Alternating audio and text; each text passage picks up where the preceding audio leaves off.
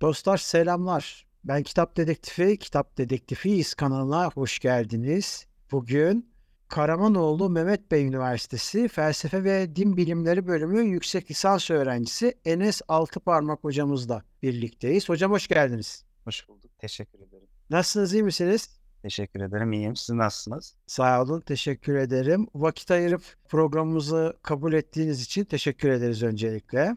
Enes hocamızın yine aynı üniversiteden İslam İlimler Fakültesinden doçent doktor Yakup Akyüz ile birlikte yazdığı bir makale var. Antik Yunan mitolojisinde ateşin kökeni ve akıl ilişkisi üzerine bir makale. Söz konusu makale 4 öge isimli akademik derginin son sayısında ulaşabilirsiniz. Biz de şimdi bu makale üzerine biraz konuşacağız. Ama dipnot olarak şunu belirtmem lazım. Uçağı Salyangoz'un bu konu üzerine de yapmış olduğu Masalların Arkeolojisi serisinde bu konuya biraz değinmişti ama Enes hocamızla bu konunun çok daha derinlerine ineceğimize eminim. Evet hocam, izninizle aklımıza takılan makalenizden okuduğumuz bazı sorular var. Bu sorulara geçmek istiyorum. Prometheus'un ateşi insanlara armağan etti hakkında hangi mitolojik hikayeler bulunmakta? E, Şimdi şöyle söyleyebiliriz. Aslında Yunan mitolojisinde birebir ateşle ilişkilendirilen esas tanrıça Hestia'dır. Hestia özellikle ateşin özünde bulunur ve bu bir anlamda da makalede belirttik ocağı temsil eder. Ve Zeus'tan hiç evlenmemeyi, el değmemişliği yani bakire kalmayı yani bu da o dönemde el değmemişliği ve temizliği sembolü. Bir diğer sembol de şu tabii ki aile birlikteliğinin cinsel birliktelikle sağlanmadığının da bir sembolü. Yani sadece bununla alakalı olmadığıyla alakalı da bir durum söz konusu. Tabii Hestia'nın insanlığa ateşi getirdiğiyle ilgili bir elimizde bir veri Yunan mitolojisi bağlamında yok. Ama bizzat ateşle ilişkilendiren tanrısal bir varlık ve ocakla dediğim gibi daha çok ilişkilendiriliyor. Yunan mitolojisinde ocakla ilişkilendirilmesini de şuradan anlıyoruz. Bir kere özellikle bu Homeros'un İlyada ve Odesya destanlarını okuduklarında, İlyada destanında mesela bu Primeos'un sarayının evinden bahsedilir. Bu sarayın evin tam merkezinde bir ocak bulunur. Hep birlikte ocağın etrafında aile toplanırlar ve o ailenin birlikteliğinin de sembolüdür. Aslında bu bizim Türk geleneklerinde de böyledir. Makalede buna da birazcık değindik. Çok fazla değinme fırsatımız olmadı. Mesela bu deyimlere bakabilirsiniz. İşte ocağa incir ağacının dikilmesi, ocağın sönmesi. Bunların her birisi bu ateşin aile birlikteliğini sağlamasıyla alakalı birer anekdotlardır. Ama Hestia'nın bir diğer ilginç özelliği de şu. Biz bunu makalede belirtmedik. Yani her şeyi makalede belirtirsek bu artık bu bir kitap olacağı için. Hestia'nın bir kadın, dişil bir tanrıçı olması ve özellikle bazı mitolojilerde bununla ilgili bir kitap tavsiye edebilirim. Fraser'ın Ateşin Kökenine dair Mitler adlı eserine baktığımızda burada bazı tanrıçaların özellikle ateşin sahibi olduğunu görüyoruz ve bu tanrıçaların işte baş parmağı ve işaret parmağı arasında üçüncü bir parmağı olduğu, bunda ateş yaktıkları söylenir. Bazı kadın yine tanrıçalarında cinsel organın içerisinden bunu çıkarttıkları ve bu sayede ateş yaktıkları ve kimse görmesin diye tekrar onu organa sakladıkları da söylenir. Bu anlamda ateşin doğurganlığıyla da alakalı bir durum ortaya çıkıyor. Yani cinselliği de belirttiğiyle alakalı da bir durum ortaya çıkıyor. Mesela bu konuda Yunan mitolojisine Demeter'e örnek verebiliriz. Demeter biliyorsunuz tarımın tanrıçasıdır. Daha doğrusu bereketli ürünler tanrıçasıdır ve bununla ilgili bir öykü anlatılır. Kızı Persefone Hades tarafından, başka rivayetlerde Dionysos tarafından yer altına çekildiğinde kendisi müzevi bir hayat verirler ve o yolculuklar esnasında bir kraliyet çiftine denk gelir. Bir yanlış hatırlamıyorsam Demopon olması lazım. Orada bir çocuğu bakıcılığını üstleniyor. Ya tabii hikaye çok uzun, oraları çok değinmek istemiyorum. Daha sonrasında bu çocuğu eline alır ve her gün ambrosia dediğimiz, nektar dediğimiz gıdalarla besleyerek ateşte tutar. Ve daha sonrasında bu çocuğu bir nevi tanrısallaştırmaya da çalışır. Ama tabii başarılı olamaz. Çocuğun annesi bir gece görür, çığlık atar ve Demeter der ki işte siz cahilsiniz, böyle böyle beni engellediniz falan. Bu benzer bir hikayede Aşil'in annesi Tetis üzerinden anlatılır. Tetis biliyorsunuz ölümlü bir hocayla evleniyor. Bunun sebebi de işte ölümsüz bir tanrıyla evlenirse çok güçlü bir tanrısal bir karakter ortaya çıkacak ve Olimpos'u yerle bir edecektir.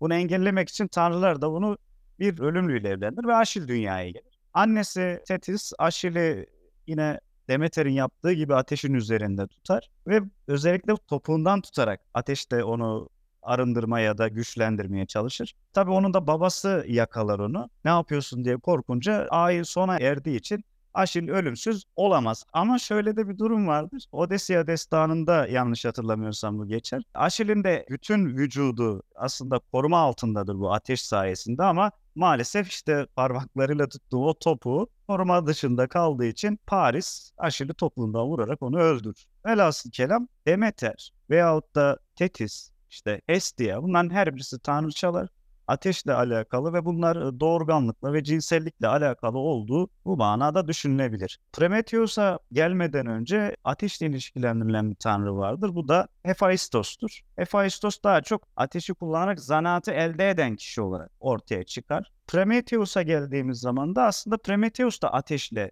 Hestia kadar aslında çok da alakalı değildir. Yani derdi onun bir adaletsizlik vardır ve bu adaletsizliği çözme üzerinedir. Prometheus'un yaptığı. Çünkü bu adaletsizlikte kardeşi tüm canlılara türüne göre özellik dağıtırken insana hiçbir şey kalmayınca bunu düzeltmek için en azından ateşi aklı vereyim ki bu adaletsizliğin önüne geçeyim diye yapar. Biz burada ateşin sahibini aslında Zeus olduğunu görüyoruz. Birebir Zeus'un kendisi belki ateşle ilişkilendirilmeyebilir ama sahip olan kişi burada Zeus. Zeus da insanlara ateşi vermek istemez. Bunun nedeni çok Yunan mitolojisinde belli edilmiyor. Neden ateşi vermiyor? Bunu çok net söyleyeyim, çok geçiştiriyorlar. Hatta ateşi yasaklıyor. Ya, niçin yasaklıyor? Onu da çok geçiştiriyor. İşte efendim Prometheus'un bir kurban sunumuna dayandırır bunu Hesiodus. Ancak bunu makalede belirtmedik ama derinlemesine düşündüğümüz zaman aslında çok önemli bir noktaya denk geliyoruz. İnsanlığa bu kurban sunumunun sonrasında ateşin yasaklanması noktasında. O da şu şekilde hocam. İşte Prometheus bir kurban keser, bir boğa keser ve sonrasında bu boğanın güzel tarafını, etlerin iyi tarafını pis bir derinin içerisine, hayvan derisine, bağırsağı oraya saklar. Hayvanın daha az değerli de kemik gibi kısımlarında hayvanın lezzetli kalın yağ tabakasına koyar ve Zeus'a seçim yapması için önüne getirir. E Zeus fark eder tabii ki. Der ki bak bu yaptığın senin adaletsizce bir davranıştır doğru bir şey yapmıyorsun der ve bundan sonra da insana ateş yasaklanır. Şimdi biz bunu derinlemesine düşündüğümüz zaman şöyle bir anekdot ortaya çıkıyor. O da şu. Birincisi Prometheus orada faniliği ve bakiliği birbirinden ayırıyor. Şöyle etin lezzetli kısımlarına baktığımız zaman çok kolay bir şekilde çürüyebilen bir yapıya sahip. Evet lezzetli ama fani. İnsan gibi aynı. İnsan da fani olduğu için bu lezzetli eti fani olan tüketmeli. Etin aslında daha değersiz kısmı olan o kemik ya da kalın yağ tabakası da baktığımız zaman da çok çürümeye e, müsait olmayan, daha çok tanrısallığı barındırdığı için de aslında burada da işte sınırlılık ve sonsuzluk arasında bir ayrım yapılıyor. Ama benim burada dikkat ettiğim en önemli nokta şuydu. Aslında Prometheus orada tanrısal olanla insanın arasını birbirinden ayırıyor. Çünkü o Emil Durkheim'in Dinin İlkesel Şekli diye bir kitap olmuş. Şimdi tam net aklıma gelmedi. Orada kurbanla ilgili şöyle bir şey söylüyor. Diyor ki kurban insanın tanrısal olanla aynı sofrada oturması. Yani biz kurban deyince ilkel dinlerde işte insanların korkularından dolayı ya da ben verdim sen de bana ver anlayışından dolayı kurban söz konusu olduğu dile getirilir ama ben buna çok katılmıyorum. Emil Durkheim bence orada daha doğru bir şey söyledi. Ve Prometheus da aslında orada birlikte Tanrı ile aynı sofraya oturuyorlar. Ama Tanrı'ya bu sefer şunu söylüyor. Yani Zeus'a diyor ki artık senin dünyan başka, benim dünyam ise başkadır diyor. Bununla ilgili de özellikle Göte'nin Prometheus'la alakalı bir şiiri var. Zeus'a dokunma benim dünyama demesi de oldukça manidardır. Hocam hazır öykülere de girmişken, yani birazdan mitolojik öykülere girmişken birkaç tane daha öykü sizden rica edeceğim. Şöyle ki ateşin tanrılar ve insanlar arasındaki ilişkilerindeki rollerde başka hangi acaba mitolojik öyküler var?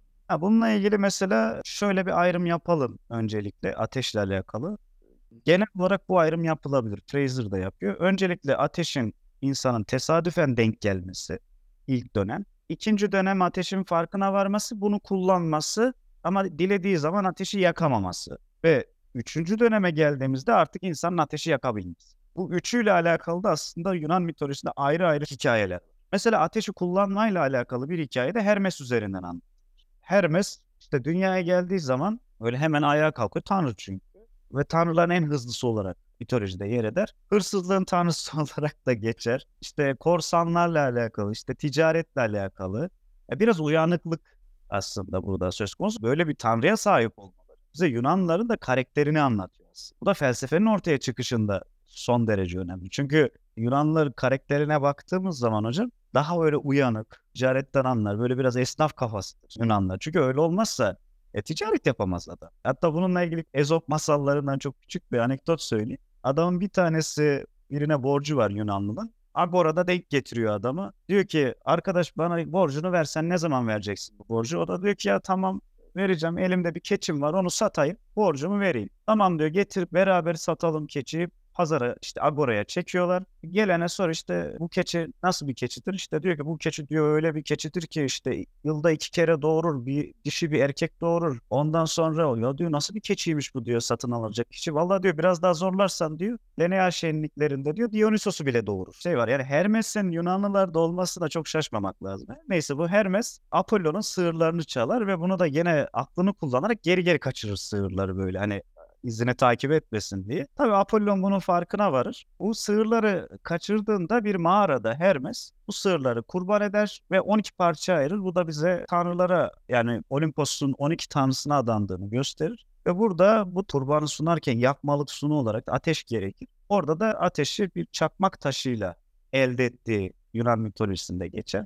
Yine Demeter'le ilgili anlatılan bir öykü var. Biz aslında ateşi getiren Demeter'in olup olmadığı tam net ifade veremem. Çünkü Demeter yer altında kızını aramak için inerken meşalelerle indi. Bu anlamda belki ateşi getiren Demeter denilmiş olabilir. Aynı şekilde Helios ve Hephaistos'un özellikle Helios'tan ateşi çaldığına dair Prometheus'un bir anekdot anlatılır Yunan mitolojisinde. Onun dışında ateşin kullanımına dair Hephaistos üzerinden bir e, anekdot anlatılır. E, Hephaistos'un tekne denilen şeyin aslında sahibidir. İşte bu tekneyle neler yapılır? İşte hepimizin bildiği gibi işte bugün sahip olduğumuz teknolojiler aslında bu teknenin birer ürünleridir. Zaten Homeros'un İlyada ve Odesya destanlarında Hephaistos'un ustalığını da görürüz. Mesela Hephaistos biliyorsunuz Afrodit'le evlidir. Çok ilginçtir o da. Bu da Yunanlılardaki bu mitolojideki diyalektik de oldukça ilginçtir. Çünkü Hephaistos Yunan tanrıları içerisinde en çirkin olanıdır.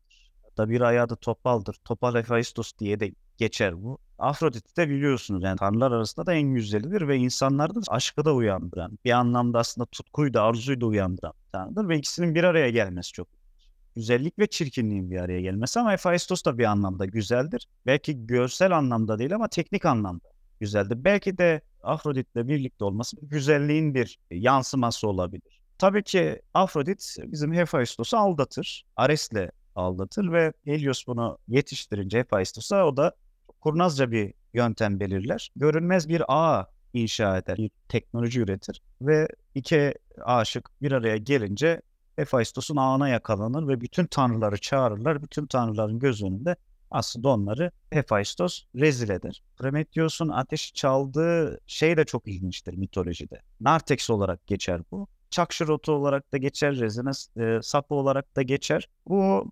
çaldığı şeye baktığımız zaman bu bitkide ateşin muhafaza edildiğini görüyoruz. Rezene sapında, Nartex'te. Nartex'in dışı, yaş, içi kuru bir bitkidir. Bu da uzun süre bir fitil gibi ateşi saklamaya yarar. Ama burada şunu da görürüz, yine bir diyalektik görüyoruz. Çünkü dışı yaş ve içi kuru bir bitki. Ve bu iki şey bir araya gelerek aslında ateşi oluşturuyor. Yani ıslak ve kuru bir araya gelerek ateşi oluşturuyor. Bu da ilk çağ felsefesinde ki o Heraklitos'un da işte çatışkıyı anlattığı o şeye de oldukça uygundur. E, biliyorsunuz Heraklitos da zaten ateşi arke olarak benimsemiştir ve Heraklitos dedi bu görünmez karşıtların uyumu hepsinden daha iyidir e, şeklinde de bir de bir yorumu var. E, bu rezene sapı içerisinde Prometheus ateşi çalar ve insanlara armağan eder. Tabii ki bu öykülerden biraz daha bahsedecek olursak Pandora'yı belki soracaksınızdır bununla alakalı. Pandora'yı insanoğluna gönderir. Tabii Pandora'nın kendisi de bir çatışkıdır.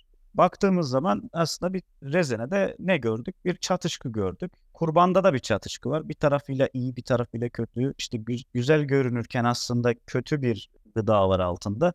Ötekinde kötü görünürken iyi bir şey var. Burada da aslında bir relativizm diyebileceğimiz yani görecelilik diyebileceğimiz de bir durum söz konusu. Pandora'ya baktığımız zaman Pandora'da da bu re- relativizm. Çünkü tanrılar bir araya geliyor. Bunun başında Hephaistos var. Zeus e, önderliğinde. Bir şey yaratılıyor. Bir kadın yaratılıyor. Dışı oldukça güzel ve çok güzel giysileri var ama ona Hermes bir köpek kalbi yerleştiriyor. Yani oldukça dışı o kadar güzel ama içi de oldukça çirkin bir karakter aslında Pandora. Ve Pandora insanlığa gönderiliyor. Elinde de bir kutu iliştiriliyor. Bu kutunun içinde türlü türlü kötülükler ve içinde en son umut var. Umut çıkacakken kapağı kapatması. Bu anlatıyor ama aslında mitolojide umut da çok iyi bir şey değil. Çünkü umut bir şeyin yokluğunu belli eder. Çünkü var olan şeyden umut beslemişsin. Ve bunu da Pandora'yı da kabul eden kişi de yine Prometheus'un karşıtıdır. Prometheus'un karşıtı Epimetheus. Prometheus öngören demekse bir o kadar Epimetheus da bön, öngöremeyen yani cehaletin sembolü aslında. Ve Epimetheus'a defalarca uyarmasına rağmen Prometheus o bak tanrılardan bir hediye gelecek. Adı üstünde Pandora tanrıların hediyesi. Sakın ola alma bunu. Ve Epimetheus onu bağrına basar ve bütün kötülükler yeryüzüne yayılır. Ama tabii şöyle bir şey var. Yani Yunan mitolojisinde bir kadın üzerinden yeryüzüne kötülüklerin yayılması ilk başta çok yüzeysel bir okuma. Aslında ben bunu şöyle makalede yorumladım. Bu kötülükler yeryüzüne Pandora ile gelmiyor. Bu kötülükler zaten ancak insana ateşin gelmesiyle birlikte insan yeryüzünde olan bu problemin artık farkına var. Zaten bilimi başlatan şey, felsefeyi başlatan şey bu problemin farkına varabilir. Eğer ki bir millet, bir medeniyet problemin farkına varabiliyorsa o medeniyet bilim üretebilir. Eğer ki bir medeniyet bir problemin farkına varamıyorsa zaten orada ne bir bilim ne bir teknoloji hiçbir şey gelişmeyecek. Bu anlamda Epimetheus'u aslında ben problemin farkına varılabilmesi olarak daha çok yorumluyorum. E tabii bir de şu da var. Hesiodos'u biraz daha okuduğumuz zaman kadınla ilgili çok iç açıcı şeyler de söylemez. Bu da bize mitolojide Yunanlılarda kadının aslında mitsel bir ifadesi olduğunu gösteriyor. Çünkü Yunanlılarda kadın pek böyle el üstünde tutulan bir birey değil. Hatta vatandaş dahi kabul edil. Oikos'un içerisinde, oikos dediğimiz Yunanca ev anlamına geliyor. Ama bu tek bir müstakil bir ev olarak algılamayalım. Yani bir bahçesi olan, geniş bir arazinin içerisindeki o şeye biz oikos diyoruz. Anadolu'da çok güzel bir tabir var. O evin o bahçesiyle birlikte olan o bölgeye hayat deniliyor. Bu güzel bir tabir. Yani bütün hayatı aslında kadının o oikosta geçiyor. Ve bu kadının da aslında Pandora bağlamında Yunan Yunanlıların kadına bakış açısını buradan çok net görebiliriz ki bu kadına bakış e, maalesef Platon'a geldiğinde rasyonel bir zemine de oturtulmaya çalışıyor. Timaios diyaloğunu okuduğumuzda iddialar dünyasında sıkıntıya giren ruhların yani öte dünyada sıkıntıya giren ruhların iddialar demeyelim. Sıkıntıya giren ruhların tekrar yeryüzüne dönerken kadın olarak dünyaya geleceğini söylüyor. Aslında baktığımız zaman kadını da Platon burada ontolojik olarak kusurlu görüyor. E tabi kadının ontolojik olarak kusurlu olması aslında sadece Platon'la alakalı değil, Hesiodos'tan başlayarak gelen bir durum söz konusu. Bununla ilgili de bir bildiri yayınladık. İzleyicilerimiz okumak isterse Erzurum Atatürk Üniversitesi Uluslararası Kadın Çalışmaları Yunan tragedyalarında Sofokles'in kadına bakış adlı bir bildirim var. Oradan e, bu konuyu da derinlemesine okuyabilirler. Peki hocam çok teşekkür ediyorum detaylı açıklamalarınız için. Başka son olarak eklemek istedikleriniz varsa alalım sonra da bitirelim. Son olarak şunu söyleyebilirim. Aslında Prometheus'un öyküsü burada sona ermiyor. Yani sadece mitolojide sona erip bitmiyor. Aslında baktığımız zaman defalarca ateş modern çağda buna dahil defalarca keşfedilmiş. Nasıl oluyor? Elbet Yunan mitolojisi olarak ateş şeyde bir keşfediliyor. İlk dönemde keşfediliyor. Ancak daha sonra felsefede tekrar ateş keşfediliyor. Heraklitos tarafından. Ateşin keşfedilmesinden kastım burada ateşin bir arke olarak benimsenmesi. Üçüncü kez ateşin keşfedilmesi de elektriğin bulunması olarak ben görüyorum. Ee, Bununla ilgili de Mary Shelley'nin Frankenstein ya da Modern Prometheus adlı eserine bakabilirler. Burada Frankenstein aslında oradaki o varlığın yaratıcısıdır. Bu varlığı yaratırken kadavraları bir araya getirir ve elektrikten aslında o varlığı tekrar dünyaya getirir. Bu da aslında modern bir Prometheus'tur. Çünkü yaratıcısını da geçecektir. Roman okuduğunuzda görürsünüz. yaratıcısını da geçiyor. Tabii ahlaki olarak da sorunlu bir varlık o. Yaratıcısı da bayağı bir problem de çıkartıyor. Hayatına da mal oluyor. Yani böyle çok spoiler vermek istemem ama okuyabilirler. Hatta bununla ilgili Yaratılan adlı bir dizi çıktı son zamanlarda. Ve özellikle kitap önce okunup arkasından o dizi izlenmesini tavsiye ederim. Çünkü Doğu Batı sentezini orada çok güzel görünüyor. Ben çok beğendim. Orada hem Prometheus'ta da aslında orada ateşin ikinci kez keşfedilmesi olan ve bugün bizim modern dünyanın mimarı olan elektrikle alakalı. Son olarak acaba bu modern dönemde ateşin yeniden keşfedilmesi yani içinde bulunduğumuz dönemde yeniden keşfedilmesi nasıl olacak? Açıkçası ben bunun da e, yapay zeka ile olacağını düşünüyorum. Bakalım göreceğiz. Bu yapay zeka yani bu Prometheus bize neler söyleyecek, bize neler getirecek hep birlikte izleyip göreceğiz. Bu noktada son bir şey daha söyleyebilirim. Hani Lütfen. Yakup hocamızın da bu konuyla alakalı özellikle Yunan mitolojisine ilgisi olan arkadaşlar varsa Yunan tragedyalarına bu konuyla ilgili makaleleri de var. Yunan tragedyalarında delirme ve çılgınlık olgusu diye. Yine Yunan tragedyalarında insanın kaderi isimli eserleri var. Oradan da istifade edebilirler. Notlarınızı ve makale yazarlarını da bu arada tezler üzerinden bakabilirsiniz. Aynı zamanda da Akademi Park'tan dergilerden de bulabilirsiniz. Çeşitli makalelerin yazılarını yararlanabilirler. Hocam aldığınız yerden ben devam edeyim o zaman öyle bitirelim izninizle. Yapay zeka üzerinde biz çok uzun zamandan beri içerikler üretiyoruz, devam ediyoruz. Pazar sohbetlerimiz var. Onda da hatta en sonki pazar sohbetimizde de bu konuyu işlemiştik. Tam olarak bu noktada yine Uçan Salyangoz'la başladım. Uçan Salyangoz'la bitireyim.